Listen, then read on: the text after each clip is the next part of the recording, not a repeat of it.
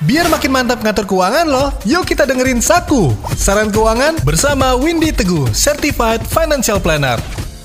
Asuransi itu jenisnya banyak. Yang pertama ada namanya asuransi jiwa, itu menggantikan penghasilan kalau kita meninggal dunia. Kemudian ada namanya asuransi kesehatan, itu yang mungkin paling sering kita kenal ya. Kemudian ada juga yang namanya asuransi pribadi atau asuransi umum yang kaitannya dengan materi atau kebendaan. Contohnya asuransi untuk properti, asuransi kebakaran. Kalau kita punya mobil ada asuransi mobil untuk kehilangan dan penggantian karena kecelakaan. Nah, seperti itu. Juga ada asuransi untuk barang-barang berharga harga, ada juga asuransi untuk tanaman, bahkan ada asuransi untuk uh, mengcover resiko kita di PHK gitu. Jadi banyak Mbak jenis asuransi yang dijual di Indonesia itu banyak. Tapi mungkin kita familiarnya selama ini adalah asuransi kesehatan, jiwa dan asuransi untuk uh, properti. Nah, seperti itu.